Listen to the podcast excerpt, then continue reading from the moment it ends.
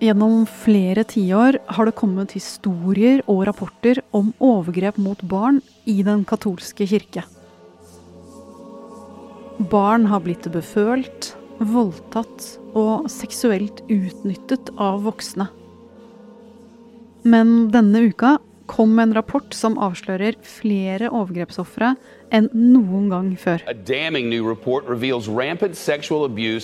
of children within France's Catholic Church. A report into sexual abuse by the French Catholic Church has En uavhengig granskning av den katolske kirke i Frankrike avdekker hvordan opp mot 330 000 barn skal ha blitt seksuelt misbrukt av prester og andre ansatte i kirken de siste 70 årene. Så mange som 330 000 barn kan ha blitt utsatt for seksuelle overgrep i den katolske Hvordan er det mulig? Og hvorfor er det så mange sånne saker i den katolske kirke? Du hører Forklart fra Aftenposten. Jeg heter Marte Spurkland og er ny programleder her. I dag er det torsdag 7. oktober.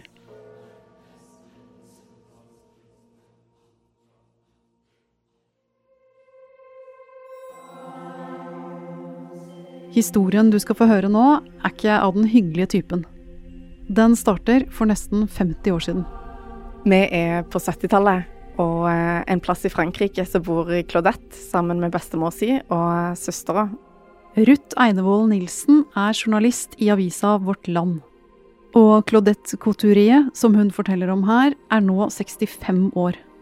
Hun har stått fram i flere medier, bl.a. The Guardian, og fortalt om en barndom og oppvekst som var temmelig vanskelig. Bestemora er alkoholiserte, de har ikke så mye penger, men eh, regelmessig så får eh, denne lille familien besøk av eh, noen prester. Det er tre stykker som av og til er innom på middag. Og det er jo ganske stas å få en sånn myndighetsperson på besøk. Men disse middagsbesøkene de følger av og til med at disse jentene blir tatt med inn på soverommene sine, og disse prestene forgriper seg på dem. Det Claudette har fortalt nå i ettertid, er at eh, dette tok 13 år av livet hennes. Og når alle disse seksuelle overgrepene skjer, Ruth, hva gjør Claudette da? Hun gjør ingenting. Claudette hun føler seg skyldig sjøl, og eh, føler seg rett og slett ekkel og tenker at eh, Men jeg lot jo dette skje. Så hun og eh, søstera de tier om dette her, som har, eh, som de sier, vært ekstremt skadende for dem i 13 år. Og først nå, i en alder av over 60, det er nå hun forteller sin historie. Og Claudette er ikke den eneste. For denne uka kom altså en rapport om den franske katolske kirken som slo ned som en bombe. We begin in France, where the Roman Catholic Church is being rocked by yet more damaging revelations. A new report has just been released detailing decades of sexual abuse within the French Catholic Church, and the numbers are really staggering. Ruth, de som har gransket disse overgrepene her, de har hatt nok å gjøre. Ja, det er et ganske enormt arbeid som eh, ble lagt fram denne uka. Det har pågått eh, en granskning i to og et halvt år, hvor det har vært 22 fagpersoner inne, og dette er en uavhengig kommisjon. Det har vært folk som hører til ulike trossamfunn, det har vært jurister, teologer, historikere, leger, sosiologer, som har tråla gamle arkiver. De har gjort massevis av dybdeintervjuer, spørreundersøkelser. De har rett og slett prøvd å gå hele det franske katolske systemet i sømmene for å prøve å finne ut om det er noe systematisk som har gjort at over 300 000 har vært offer for overgrep i den katolske kirka i Frankrike siden 1950. Ja, for det er det de finner i denne 2500 sider lange rapporten. Ja. Mange av de som har forgrepet seg på de er prester, en del andre er kirkeansatte, og veldig mange av de som eh, har eh, blitt eh, forgrepet på, de er gutter, og små gutter, så det er snakk om store mengder pedofile overgrep.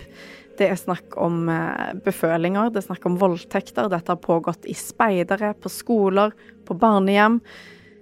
rett og slett maktpersoner som har eh, ja, begått fysiske og åndelige overgrep på personer under de i hierarkiet. Og jeg så en som skrev på Twitter, regnet det ned til per dag. Det er over åtte barn om dagen, hvis man regner i snitt.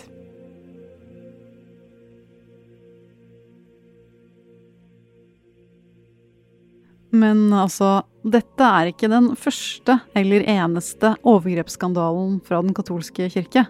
De siste 20-30 årene har avsløringene vært mange. Hva er det med den katolske kirken som gjør at det kommer så mange overgrepshistorier derfra?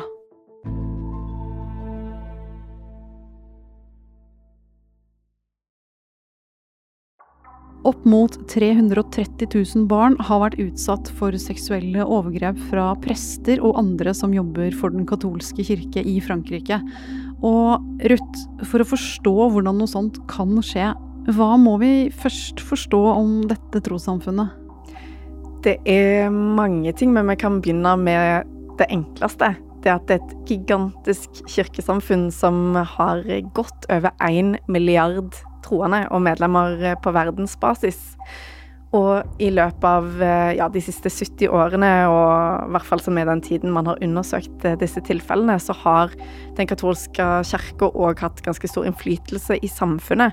De har drevet en del institusjoner som mange har hatt tilhørighet til. De har drevet skoler. De har drevet barnevernsinstitusjoner eller barnehjem. Ikke minst så er det jo en dimensjon som handler om den åndelige autoriteten som disse prestene og disse lederne har. For som prest i den katolske kirken har man ganske stor makt. Ja, det er de som på en måte forretter sakramentene, som er de midlene eller eh, verktøyene, eller hva vi skal kalle det, eh, som eh, den katolske kirken setter i sentrum for kristen praksis og, og kristent liv.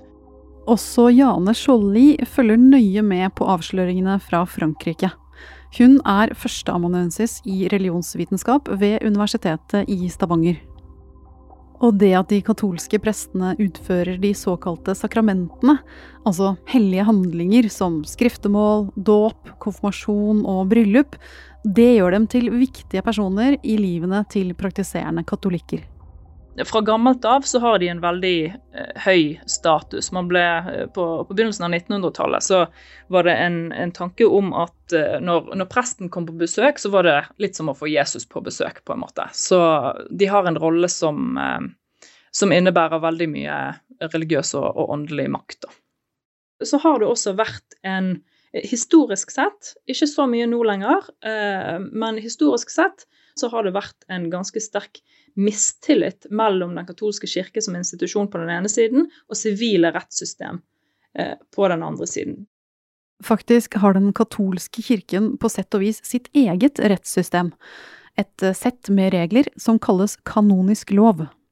Det er et som er bindende for, eh, for, kir for, kirkens medlemmer. Du kan på en måte si at det er ting som har med forholdet mellom individet og, og kirken å gjøre. Og det regelverket regulerer alt, fra dagligdagse spørsmål til store ting, som at abort er ulovlig og kan føre til at du blir utestengt fra kirken. Det samme katolske regelverket kan også ha gjort det litt ekstra mulig å holde overgrepene hemmelig.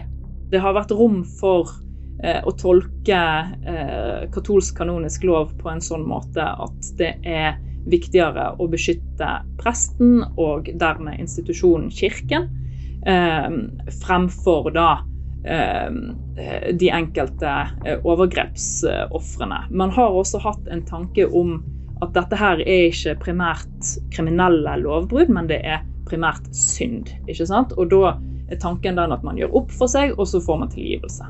Mm. Og så er det jo én ting som ofte trekkes fram da, som en mulig grunn til overgrepsskandalene. Sølibatet. Fordi som prest i den katolske kirken så skal du jo ikke ha sex med noen andre, og heller ikke med deg selv. Kan det være at en sånn undertrykking av seksualitet kan øke risikoen for overgrep? Det er mange som spekulerer, spekulerer i det. Men det er ingenting som tyder på at det er noen årsakssammenheng mellom det å leve i sølibat på den ene siden og det å begå overgrep på den andre. Eh, tvert imot så vet vi jo det at det er veldig mange mennesker over hele verden eh, som av religiøse eller ikke-religiøse grunner eller mot sin vilje eh, lever eh, eh, uten seksuell, seksuell aktivitet, eh, uten at de blir overgripere av den grunn. Tvert imot så må man se på det langt mer kompliserte forholdet mellom religion og makt og skam i, eh, og skampåføring innenfor eh, den katolske kirken. Etter avsløringen i Frankrike har franske katolske biskoper gått ut og bedt overgrepsofrene om tilgivelse. Og i rapporten foreslås det 44 tiltak som den franske kirken nå kan iverksette. Først og fremst betale ut erstatninger til ofrene. Og Ruth, overhodet for alle katolikkene, pave Frans, han er nå fast bestemt på å få en slutt på overgrepene og skandalene.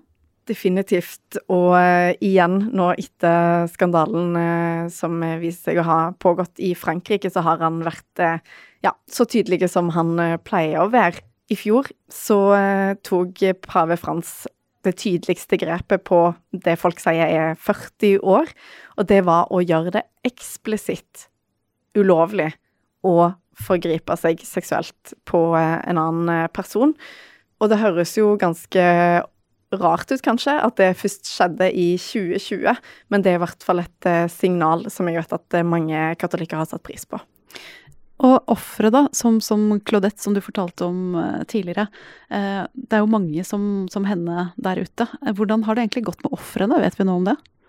Jeg har snakket med en katolsk psykolog som ehm, kan fortelle på generelt grunnlag da at har man hatt et eh, støtteapparat, så kan man ha klart seg godt. Men det å bli utsatt for systematiske overgrep, for det er jo mange av disse som har pågått over tid, det er jo selvfølgelig traumatiserende. Og eh, på de måtene man ehm, kan reagere på det på, selvfølgelig like ulikt som hvor forskjellige mennesker vi er. Det er snakk om eh, personer som eh, har det krevende i intime relasjoner. Det er folk som er sinte og frustrerte på kirka og har mista troa si. Folk kan eh, ha reagert med alkoholisme, narkotika. Og så er det de da som har fått den hjelp og støtte fra et apparat rundt seg som gjør at de kan leve OK liv allikevel. Men noe hjelp fra kirka er det veldig få som har fått. Hva tror du da, Ruth, som journalist som følger dette, kommer det nå til å bli slutt på overgrepene og overgrepsskandalene fra den katolske kirken?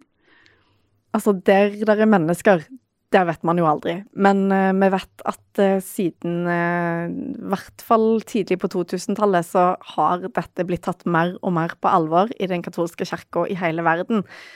Og spesielt fra nå av så blir det jobba med retningslinjer varslingskanaler. Blant annet i Norge, så har, selv om Den katolske kirke er en bitte liten minoritet i Norge, så har de ansatt en egen prosjektleder som skal kurse prester og menigheter i eh, trygge grenser og i å forebygge overgrep med rett og slett rutiner. Åpenhet, sånn at man vet at terskelen er lav for å varsle, og hvis man gir beskjed, så får man hjelp.